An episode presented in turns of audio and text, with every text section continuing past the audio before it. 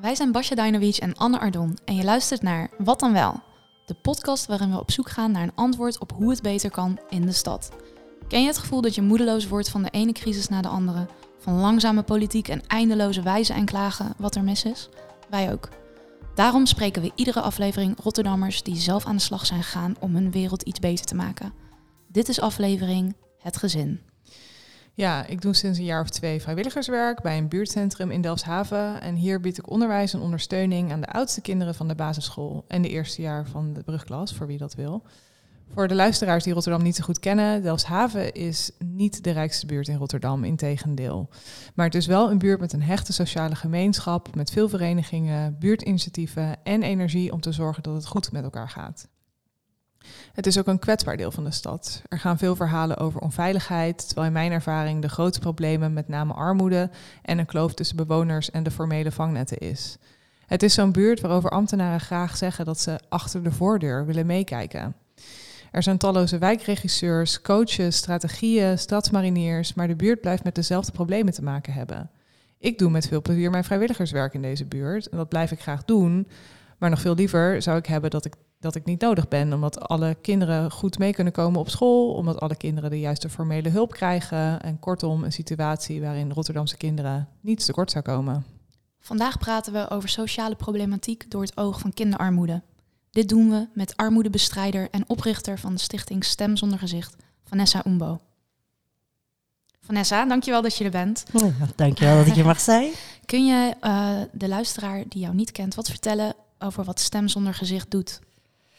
Uh, Stichting Stem Zonder Gezicht zet zich in voor bewustwording van de aard en de omvang van de problematiek als het gaat om armoede. Dus we hebben het vooral over schaarste, uh, maar mijn uh, zorgen gaat vooral over het leed wat achter de voordeur schuil gaat. Dus de emotionele problemen, de trauma's die ermee gepaard gaan. Uh, ik heb een achtergrond als hulpverlener, dus ik heb achter die voordeur ook echt gezien hoe armoede hele gezinnen ontwricht en eigenlijk door alle levensdomeinen heen vreet. Dus echt het bestaan van een heel gezin ontwricht. Uh, maar we proberen ook inspirerend te zijn. Dus we proberen op wijkniveau te laten zien dat als, je, als er een probleem is, kun je ook de vraag stellen: maar wat is hier het probleem? Wat zijn de tekorten? En hoe kunnen we dat samen met elkaar opvangen? Dus dan trek je daar een plan op en dan ga je samen bijvoorbeeld een inzamelingsactie doen of uh, vooral eigenlijk projecten op wijkniveau om door met elkaar voor een hoger doel te staan, je samen eigenlijk aan tafel zit, uh, betrokkenheid toont. En eigenlijk door dat contact om samen iets voor de kinderen te doen, uh, ga je voorbij je vooroordelen en leer je op wijkniveau elkaar weer op een andere manier eigenlijk vanuit menselijkheid kennen zie je dat wij helemaal niet zo verschillend zijn, ondanks de achtergronden, ondanks de beperkingen, ondanks taal misschien beperkingen, kunnen we allemaal gewoon gezellig aan zo'n tafel zitten, speelgoed bijvoorbeeld sorteren, mooi maken om het weer klaar te maken, om een winkeltje van te maken. Dus dat doen we op wijkniveau. En uh, ja, ik probeer ook op mijn manier het beleid te beïnvloeden. Door ook dit soort podcasts te doen. Dus veel media-aandacht te vragen voor ja, de problemen die ik zie. Maar ook de ideeën en oplossingen uit te dragen die, waarvan ik ook denk dat dat mogelijk is. En uh, ja, we proberen eigenlijk vooral ook stad Rotterdam bewust te maken dat we allemaal als mens en bewoner van Rotterdam een verantwoordelijkheid hebben voor een fatsoenlijke samenleving. Ja, ja, ja. je zei net al van. Je zit met elkaar aan tafel, je leert elkaar kennen, je praat gewoon met elkaar. Het zijn allemaal best wel simpele menselijke oplossingen. Terwijl het niet uh, het probleem is van de mens zelf. Het zitten gewoon systeemfouten. Uiteraard. Uiteraard. Ja. Nou, dit lijkt uh, langzaam door te dringen, maar toch, ja, uh, nieuwsberichten over kinderen die omvallen van honger. in Rotterdam lijkt er nauwelijks vooruitgang geboekt te worden. Um, wat voor een weeffouten zit er in de standaard aanpak, zeg maar, die beleidsmaker maken rondom armoede? Nou ja, vooral dat, dat inderdaad. ik vind het dat er vooral aan victim blaming gedaan mm. wordt. Mensen moeten voorbij hun schaamte, mensen moeten dit, mensen moeten dat. Maar volgens mij moet onze overheid er gewoon voor zorgen dat wij in de basis genoeg hebben om fatsoenlijk te kunnen leven. Dus het is niet aan de mensen om allerlei trucken uit de doos te halen, ondanks hun omstandigheden, beperkingen en soms ook gebrek aan netwerk, om maar voor oplossingen te zorgen om je bestaanszekerheid te waarborgen. Dat is gewoon een taak van de overheid. Dus volgens mij moeten we heel dat armoede anders framen in een welvarend land als Nederland, waar genoeg geld is, maar het niet naar de juiste plekken verdeeld wordt om onze Nederlanders, onze mede-Rotterdammers in de basis gewoon te voorzien van hun human needs. Ja. Ja. Dat. En je, je, hebt al, je zei al dat je vanuit je werk ook hier veel mee te maken uh, hebt gehad en achter de voordeur hebt gekeken. Ik denk dat heel veel mensen misschien ook best wel een simplistisch beeld hebben van armoede. Dus ik ben eigenlijk heel benieuwd wat de impact van kinderarmoede op zo'n gezin is en hoe werkt dat dan door op zo'n gezin of misschien zelfs in een wijk. Kan je daar wat over vertellen? Uh, nou ja, toen ik hulpverlener was, uh, werkte ik vooral nog wel met jongere, jonge ouders. En wat mij heel erg aangreep, uh, een paar casussen, is dat één moeder voelde zich gewoon, een jonge moeder, 23 jaar. Haar dochter had eczeem. Nou, al die speciale spulletjes, zeg maar, om het kindje goed te verzorgen, kon ze gewoon niet betalen. Waardoor ze zich dus gedwongen voelde om te prostitueren om haar kind gewoon te geven wat het kind nodig had voor haar welzijn. Vaders die me soms in, de armen uh, vielen huilend en zeiden van ja, ik wil helemaal geen gekke dingen op straat doen, maar wat wil je dan dat ik wel doe? De honger in de ogen van mijn kinderen aanstaren en zelf het gevoel hebben van falen. Nou ja, een paar van dat soort verhalen maakt dat, dat ik echt uh, ik vind het zo verdrietig dat alleen maar voor een beetje geld we mensen dwingen tot keuzes binnen hun omstandigheden en dan ook nog het lef hebben om ze te veroordelen. oh, kijk haar, weet je, een vieze meid. ja, die gasten die doen niks anders dan alleen maar weet je, makkelijk geld verdienen op straat. Terwijl deze man, was, deze jonge man was zich heel erg bewust, ik wil dit niet, want als ik gepakt word, dan waar blijven mijn twee kinderen? Maar wat wil je dan dat ik doe? Ja, wat ben ik dan voor een hulpverlener? Ik moet alleen maar toe toegeven dat ik snap welke keuzes hij maakt. Ja, ja dat mag dan toch nooit de bedoeling zijn. Ja, nee, ik vind het ook. Uh, ik zie dat je raakt en het raakt mij ook om dit te horen, want het is gewoon, het lijkt me ook heel moeilijk als een gezin. Want ja, het, wat je zegt, het, we, we, kijken snel naar een individu en zeggen, ja, waarom ben je niet naar de gemeente gegaan? Waarom ben je niet iets anders gaan doen. Je kan toch gewoon bij de supermarkt gaan werken of wat dan ook. En er zijn toch zoveel vacatures. En dan gewoon niet kunnen inzien dat iedereen in een unieke omstandigheid zit. En dat. opties misschien al lang geprobeerd zijn. Als jij het kan bedenken, kan iemand anders misschien ook bedenken. Ja, dat, dat. Maar uh, ik bedoel, werken is zeker niet de oplossing. In Nederland tellen 220.000 mensen en die noemen we de working poor. Dus dat werken de oplossing is tegen armoede is ook bullshit. Ja, nou, heel goed punt. Daar had ik nog niet eens over nagedacht. Ja, en uh, natuurlijk ook uh, actuele geldnood. Als je vandaag geld nodig hebt, dan heeft je een vacature bij de Albert Heijn biedt dan ook geen oplossing. Zeker niet. Nee, en waar mensen ook onvoldoende rekening mee houden, is dat wanneer je zo gebukt gaat onder stress, omdat je eigenlijk dagelijks hele dagen zorgen moet maken of je überhaupt vanavond iets kan eten, dan wordt je brein, de, je IQ daalt 1 tot 13 punten. Dat maakt dat je gewoon eigenlijk helemaal niet eens meer long-term kan denken, maar behalve kan denken van hoe ga ik vanavond eten op tafel krijgen? Hoe ga ik, uh, en hoe ga ik de huur dan betalen? En dat, dat, ja, dat klemt je zo. Ik heb zelf twee keer uh, in zo'n situatie gezeten. Eén keer ben ik echt getroffen door schulden en armoede. En daar waar ik zelf de hulpverlener was, die achter de voordeur kroop, moesten nu mensen bij mij proberen binnen te breken. En geloof me, in de eerste fase van de schaamte dacht ik ook van nee, niemand komt hier achter. Nee, niemand, ik wil dat gezichtsverlies niet leiden. Totdat ik leerde dat een kwart van ons getroffen wordt. Dat ik, oh fuck it, wij hoeven ons helemaal niet te schamen. Echt, deze stad, de stadspolitiek en dit land zouden zich moeten schamen. Ja. Dat we zoveel mensen laten lijden terwijl er genoeg geld is, ja. nogmaals. Want je hebt het over een kwart. Een kwart van de mensen in Nederland krijgt te maken, of een kwart van de Rotterdammers? Een kwart van de Rotterdammers dus krijgt te maken met armoede. Ze zeggen dat nu de cijfers iets gedaald zijn. In mijn tijd, wat toen ik ervoor koos, uh, ging het om 24% op papier. En die of de, de cijfers zijn ook nog eens gebaseerd op inkomensgrenzen. Dus 10 euro boven die inkomensgrens val je buiten de cijfers. Als je een hoog inkomen hebt, maar schulden uh, en dus armoede, val je buiten cijfers. Mensen in de instellingen. Dus de vraag is, met hoeveel zijn we werkelijk in deze stad? Ja, ja. En natuurlijk is er nu ook allemaal afgelopen jaar energiecrisis. Daar gaan we het zo meteen nog over hebben. Ja. Wat ook uh, natuurlijk. Uh, corona heeft ja. er ingehakt. En ja, ik denk, wat waar haal je die cijfers vandaan?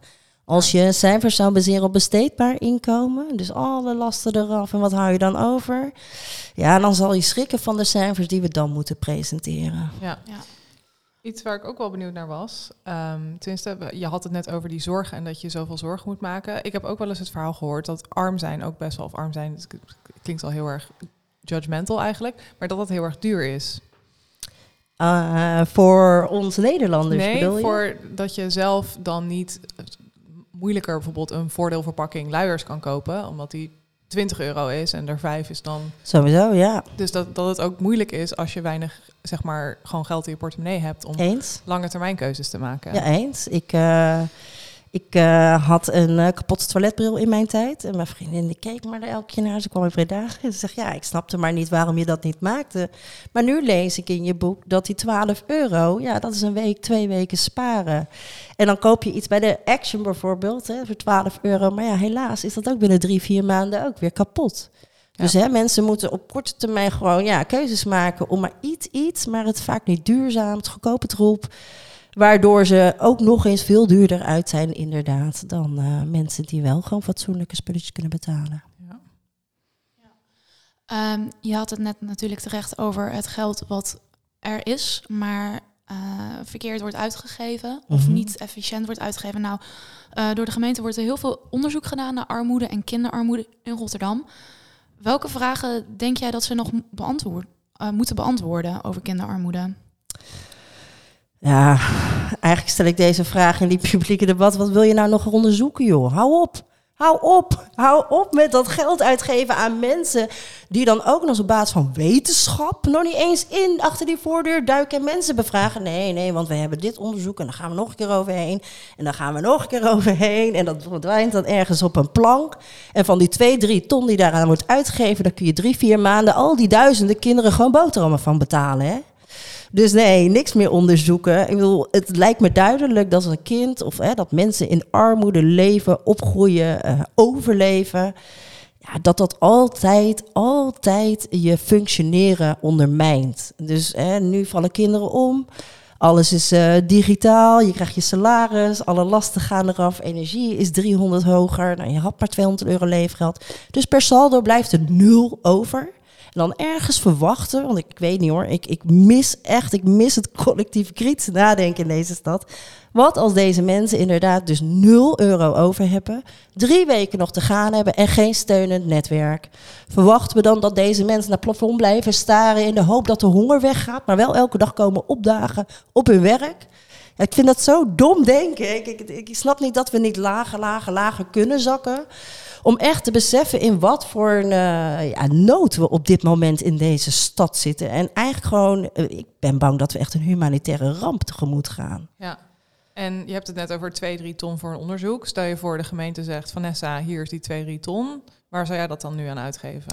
Dan zou ik die wijken induiken en vragen waar heeft u echt directe behoefte aan? Waar zitten uw noden en mag ik daar dienstbaar aan zijn?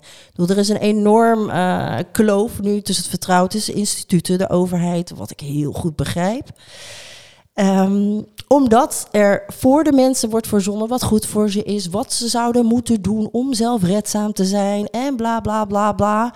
Maar niemand die durft af te dalen en durft te vragen, mensen, wat, wat is het waar wij iets voor jullie mogen betekenen? Want het gaat over jullie. Hoe kan het zijn dat wij aan de andere kant bepalen wat er goed voor hun is? En dat gebeurt al jaren. Dat heb ik echt zoveel en te veel gezien in die hulpverlening. En eigenlijk ben ik daarom gaan doen wat ik doe. Ik, die kloof, ja, die ontstaat omdat we eigenlijk gewoon niet afdalen naar de mensen om wie het gaat. En ze vragen waar ze behoefte aan hebben. Dus als ik dat wel doe, dan zeggen ze tegen me, hè, maar waarom zou je dat doen? Omdat ik niet wil dat je honger lijdt. En als ik daardoor hè, voor 10 euro je een paar dagen weer verder kan helpen, ja, dan met liefde als ik dat kan. En juist door dat te doen, zegt ze, maar kan het je dan echt iets schelen? Ik zeg, ja, waarom? Ja, gewoon uit liefde voor mijn medemens. En dat maakt als ik ze op straat tegenkom, zeggen ze, hallo. En opeens win je daarmee gewoon eigenlijk alweer een beetje relatie en vertrouwen. En vertrouwen, daar ontbreekt het aan om werkelijk de problemen op dit moment mee op te lossen.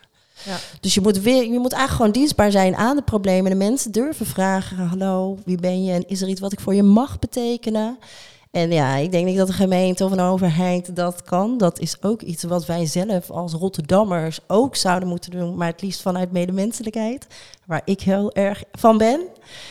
Uh, om zo samen weer gewoon dienstbaar aan de problemen te zijn die deze stad op dit moment kent. Ja. Denk je dat het ook komt door een gebrek aan vertrouwen dat die kloof ontstaan is? Dat uh, de gemeente liever 300 euro of 3 ton uitgeeft aan een onderzoeker dan inderdaad aan de buurten zelf? Uh, gebrek aan vertrouwen van...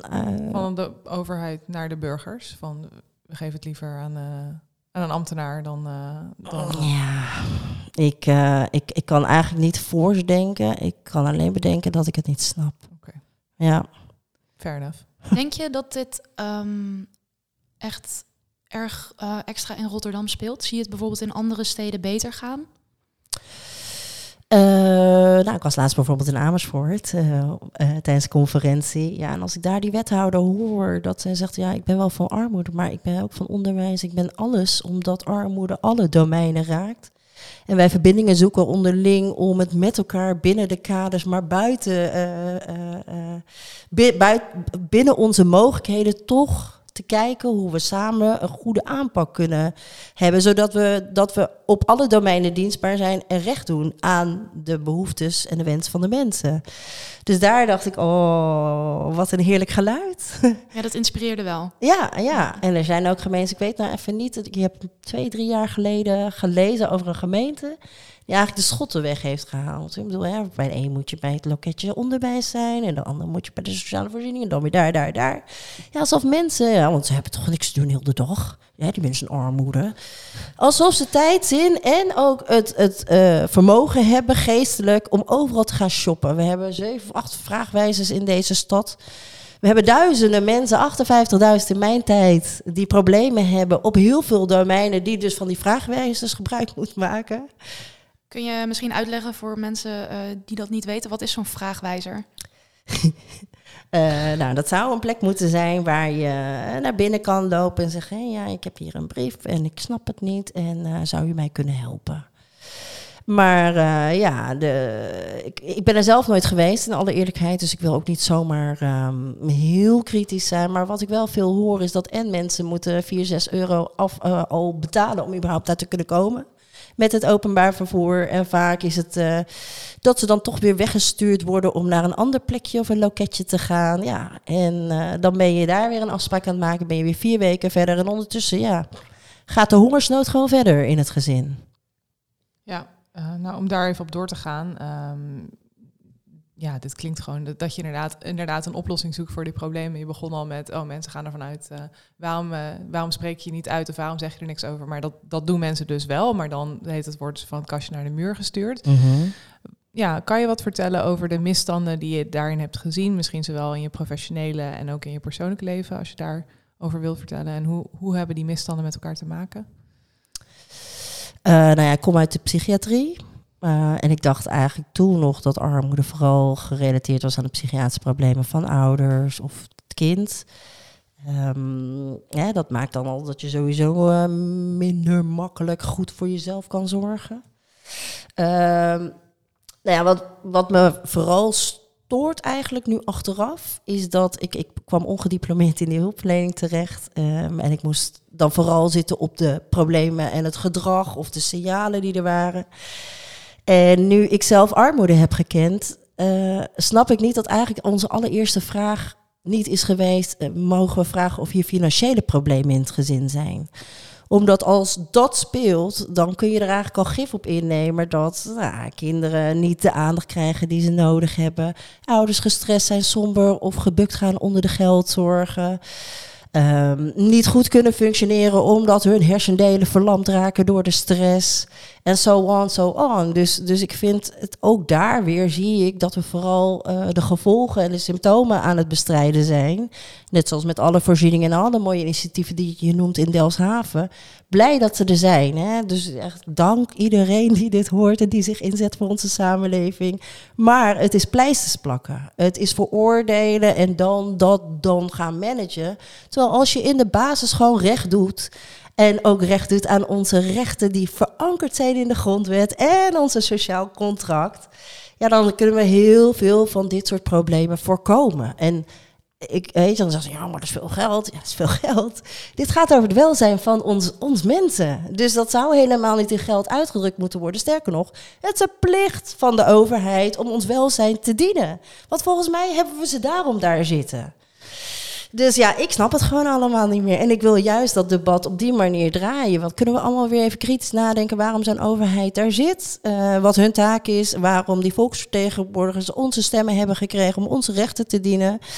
En um, hou op met kinderrechten awards uitgeven. Want het is toch raar dat we mensen moeten huldigen voor het opkomen van onze rechten. Ja, ja uh, we hebben het net uitgebreid gehad over de uh, zorgtaak van de overheid. Maar die schiet op dit moment tekort. Daar kunnen we gewoon naar buiten voor kijken. Ja. We hebben dan ook nog de gemeenschap.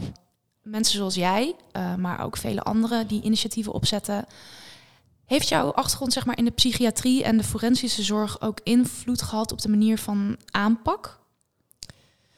Um, ja, zeker. Ik, uh, ik binnen de forensische zorg, ik werkte met mensen met TBS-status.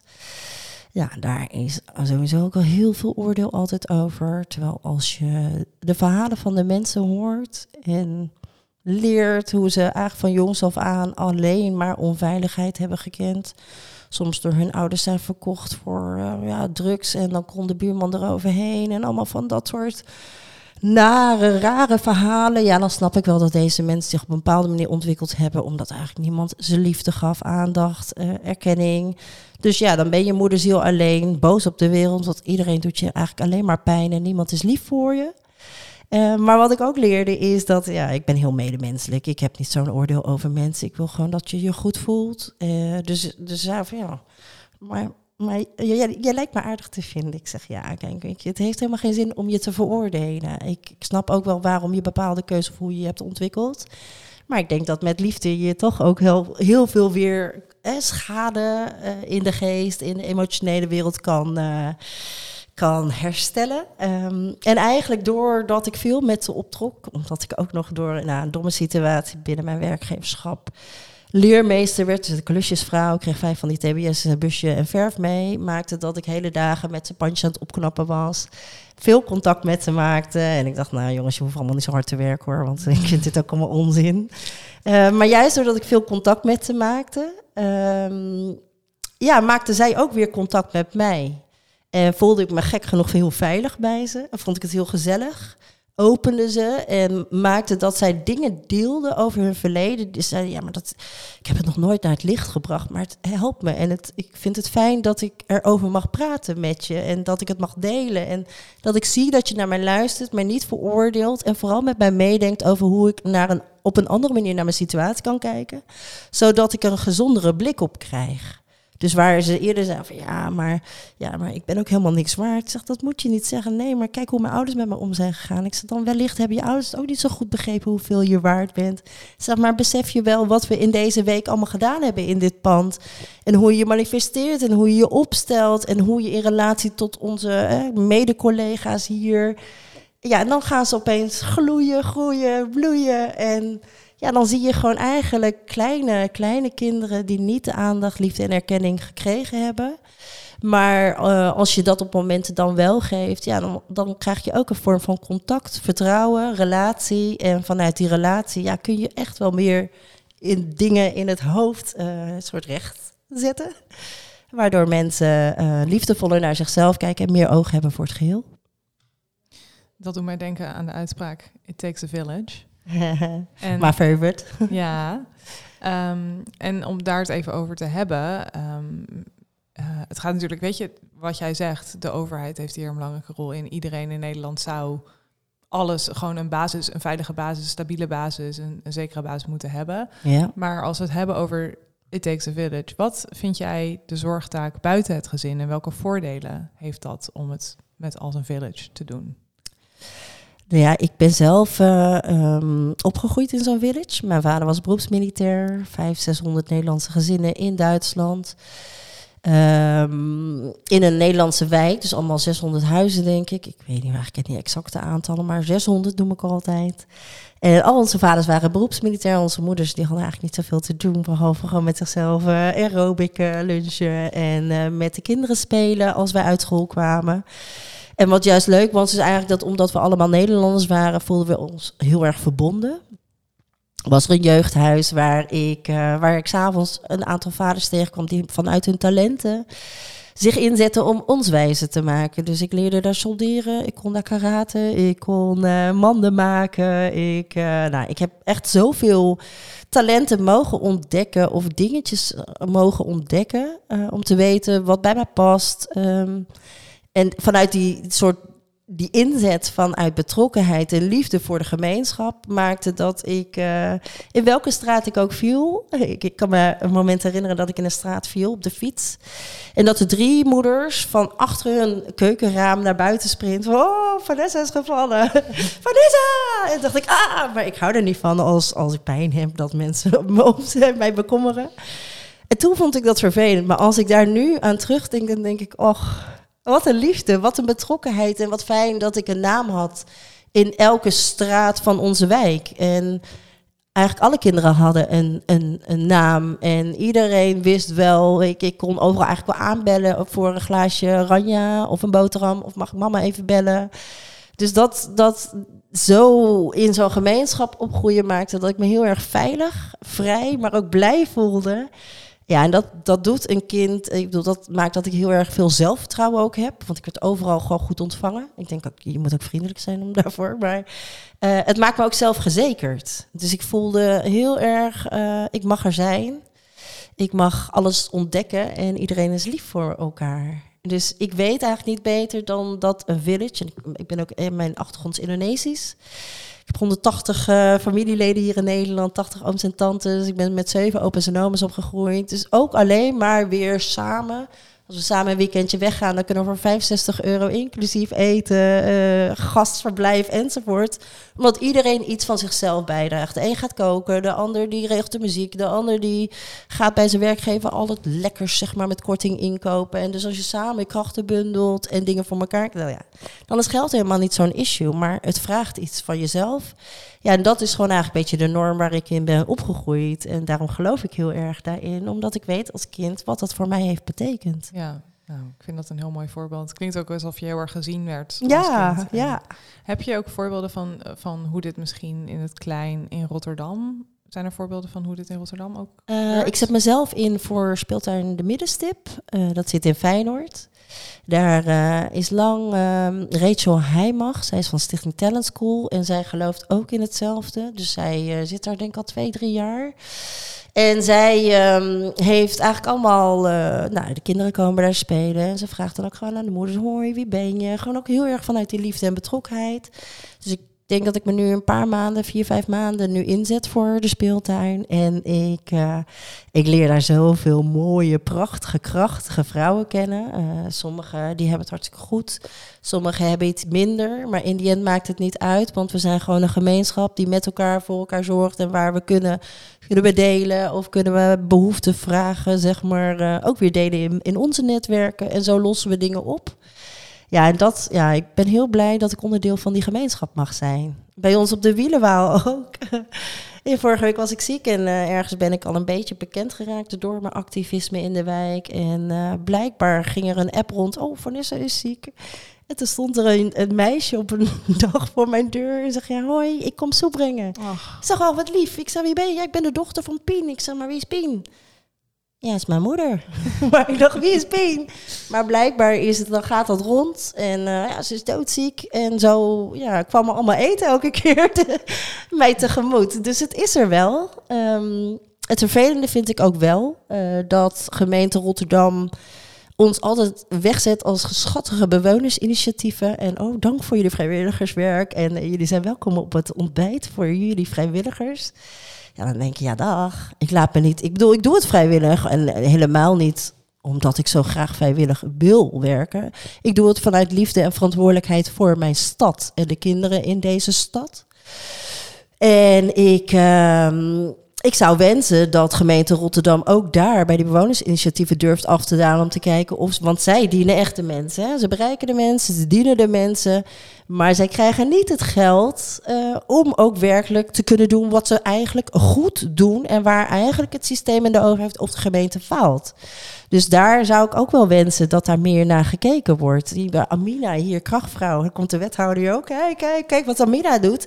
Ja, zij kan het alleen maar doen als jij haar echt helpt. Ik bedoel, deze vrouw gaat bijna ook gebukt onder de ellende. Maar die liefde van haar en die kracht is groter.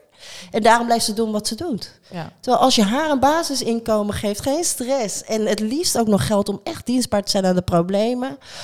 Wauw, wat een kracht en wat voor een dienstbaarheid uit deze vrouw dan kan komen. Maar ja, nee, schattig en dankjewel dat je doet wat je doet. Ja, want Krachtvrouwen Oude Westen is, wij, nemen dit op in het Oude Westen en dat is een organisatie hier in de buurt die... Oh ja, zo ja. Ja, nee, uh, die, die zorgen en, en, ja, een support biedt voor de gemeenschap. Ik wilde eigenlijk je vraag aan je stellen, wat kan de gemeenschap doen om meer zorgend te worden? Maar ik hoor eigenlijk de, de gemeente zou bijna misschien beter die gemeenschap kunnen ondersteunen, zodat mensen de ruimte, de tijd, de aandacht hebben om meer zorgen te worden. zeker, zeker. En ik denk ook als mensen gewoon denken van, nou, ik, ik, wil ook wel een beetje zingeving in, in mijn leven. Dat je eigenlijk gewoon een keer zo'n ochtend of een middag bij zo'n Amina kan aankloppen of bij ons op de speeltuin. Kan ervaren wie we zijn, wat we doen en waarom we doen wat we doen ook zien dat wij kwetsbaren ook helemaal niet zo uh, maf zijn of vanuit de vooroordelen hoe naar ons gekeken wordt. Maar dat we gewoon uh, sterke vrouwen zijn die gebukt gaan misschien onder de ellende, maar nog steeds vanuit liefde opereren. En ik denk als je, als je dat ervaart, en dat heb ik laatst ook gezien bij een teamdag van, uh, van een afdeling die ons kan helpen. Zijn wauw, wauw, wat, wat is het hier leuk, gezellig. Wat zijn die kinderen lief en beschaafd. En, ja, de. Um, maar daar voelden ze wel die samenhorigheid, die solidariteit, die liefde voor elkaar. En ja, daar waren ze wel heel erg van gecharmeerd. Dus nu zeggen ze, oké, maar wat zouden we nog meer voor jullie kunnen doen?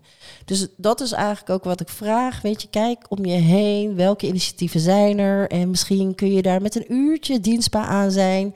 Dien je de ander, heet naaste liefde. En um, ja, vanuit naaste liefde, geloof me, de gever is niet alleen uh, de mag ook de ontvanger zijn. Dus op het moment dat je iets voor de ander doet, dient het ook jou. En uh, kan liefde haar werk doen. Uh, Vanessa, ik hoor jou steeds hebben over vrouwen. En ik hoor jou vrouwennamen noemen. En ik wil weten, waar zijn de mannen in dit verhaal? Ze zijn er hoor. Ik wil mannen zeker niet tekort doen.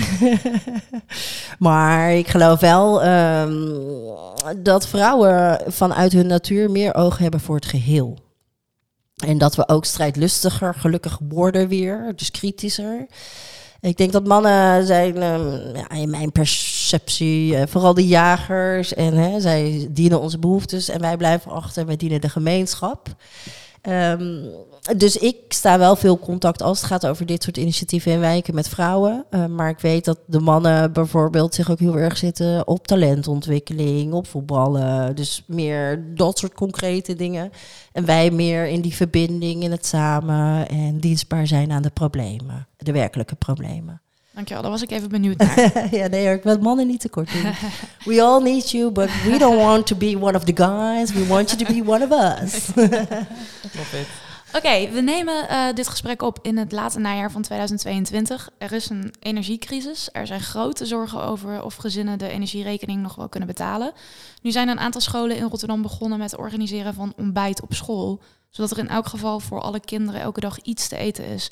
Denk je dat dit een stap in de goede richting is? Of is het meer een, ja, weer een pleister? Ja, het is sowieso een pleister. Hoe kan het toch zijn dat je als een moeder je kind naar school moet sturen zonder eten?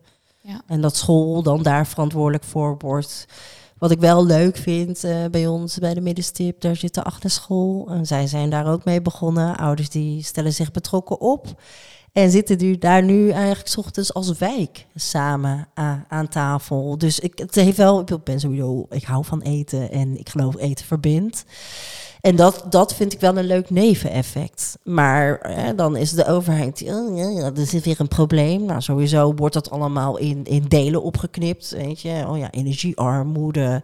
Uh, wat hebben we nog meer? Ze, de menstruatiearmoede, denk ik ja als de politiek het blijft differentiëren, dan hoeven ze aan het grote probleem, de bron, niks te doen. Dus dat is handig, maar dat is dus gewoon niet. Ja, het slaat nergens op, het is ook niet eerlijk. Maar ik vind het wel leuk dat eh, juist op wijkniveau, dus door, door deze problemen, wat wij ook een beetje doen, uh, verbindingen weer ontstaan. Dat, dat ouders, kinderen met de buurman en de buurvrouw. En eigenlijk, ja, je zit daar toch, dus je gaat toch een beetje met elkaar in gesprek. Je wordt dan minder vreemd van elkaar. En dan zie je, oh ja, oh, later, oh, maar ja, jouw kind. Ik, ik zie vaak in mijn, in mijn straat, dat toevallig. Oh, mijn zus woont daar. Oh, is dat je zus? Oh, hoi. En dan opeens, weet je, zijn we niet meer vreemd, maar zijn we de buurman van mijn zus. En zo, ja, ik vind dus dit soort initiatieven op dit moment uh, wel goed om meer verbinding weer te laten ontstaan. Maar nee, het is echt wel uh, pleisters plakken op uh, etterende, zere wonden. Duidelijk. Ja, en dan hebben we, de titel van onze podcast is Wat dan wel? Dus dat gaan we nu ook aan jou vragen. Wat dan wel, Vanessa? Misschien, ik, ik denk ook mensen die nu luisteren, die horen inderdaad misschien over verbinding, gemeenschap, armoede. Wat, als mensen luisteren, wat zou jij hun aanraden? Wat, wat kunnen zij nou doen? Uh, nou ja, ik denk uh, vooral jezelf. Eén zou ik vragen, zullen we alsjeblieft weer allemaal met elkaar kritisch nadenken? Wie is verantwoordelijk waarvoor en zullen we deze mensen ook aanspreken? Twee, gebruik daarvoor ook je stem. Laat je zorgen horen. We kunnen achter Facebook of Insta weer allemaal comments achterlaten. Maar ja, het liefst heb ik dat we allemaal een beetje verzet plegen. en uh, in ieder geval gewoon kritisch het publieke debat uh, aangaan. En kijk jezelf aan. Wie ben je? Wat kan je? Waar ben je goed in? Wat vind je leuk om eventueel te doen, bij te dragen? Ik hoor jou van, nou, ik zit hier in het buurthuis en ik geef les.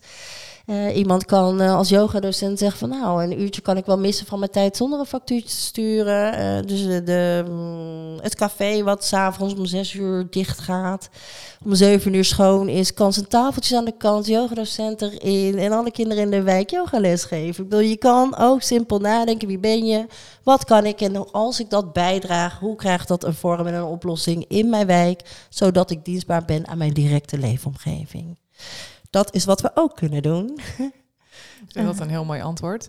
en uh, ik denk ook wel, ja, als je inderdaad dan gewoon even kijkt wat er is in jouw buurt nodig. Inderdaad, misschien op het gebied van bewegen, onderwijs, verbinding. Um, ja. ja, ja, dat is mooi. Ja. Ja, en ook uh, als het gaat om die scholen. De overheid zegt al oh, hier, ik heb hier een paar miljoen, ga het maar doen. Ja, maar die scholen, die docenten, die zijn allemaal uh, overbelast. En die moeten dat er ook maar bijdragen. Dus het kan ook nagedacht worden door gemeente Rotterdam om te kijken, maar wie hebben we dan, dan in die bijstand zitten en wie vinden we dan dat ze, nou, papierprikken doen we volgens mij gelukkig niet meer. Maar je kan ze dus ook voor dit soort maatschappelijke problemen vragen om een oplossing te bieden. Dus dan, en ze zijn dienstbaar en het is nuttig. Um, en, en je doet dan gewoon ook recht aan. Ik denk dat ieder mens er gebaat bij is om om en iets bij te dragen en gezien te worden en het liefst onderdeel te zijn van een gemeenschap waarin je er dus niet alleen voor staat. Mensen zeggen wel eens, Vanessa, je komt me geen geld brengen, maar het feit dat je me ziet en dat er iemand is die gewoon naar mij onveroordeeld luistert, ja, dat biedt mij troost, liefde en uh, ja, dat maakt dat ik me eigenlijk veel rijker voel dan het geld wat mijn oplossing zou zijn. En dat vind ik mooi. Ja, mooi. Dankjewel Vanessa. Uh, uh, dankjewel dat je met ons wilde komen praten. En ik denk dat er voor mij persoonlijk is heel veel bijgebleven dat het uh, collectief kritisch verzet, dat dat hard nodig is. Yes. En dat we het alleen maar samen kunnen doen. Solidariteit. It takes a village to uh, overthrow. Nou ja. en zo verder. maar dankjewel. Met liefde. Deze podcast wordt mede mogelijk gemaakt door een rondje lopen door het park en dat je favoriete bankje in de zon dan nog als enige vrij is. De redactie door Jasmijn Massini en Max Omlo. Sounddesign door Walvis Nest. Fotografie Daphne van Drent. Ontwerp Johan de Haan. Productie en eindredactie door Eva Liuku. Tot slot, Vers Beton maakt onafhankelijke journalistieke producties, zoals deze podcast, dankzij de steun van onze leden.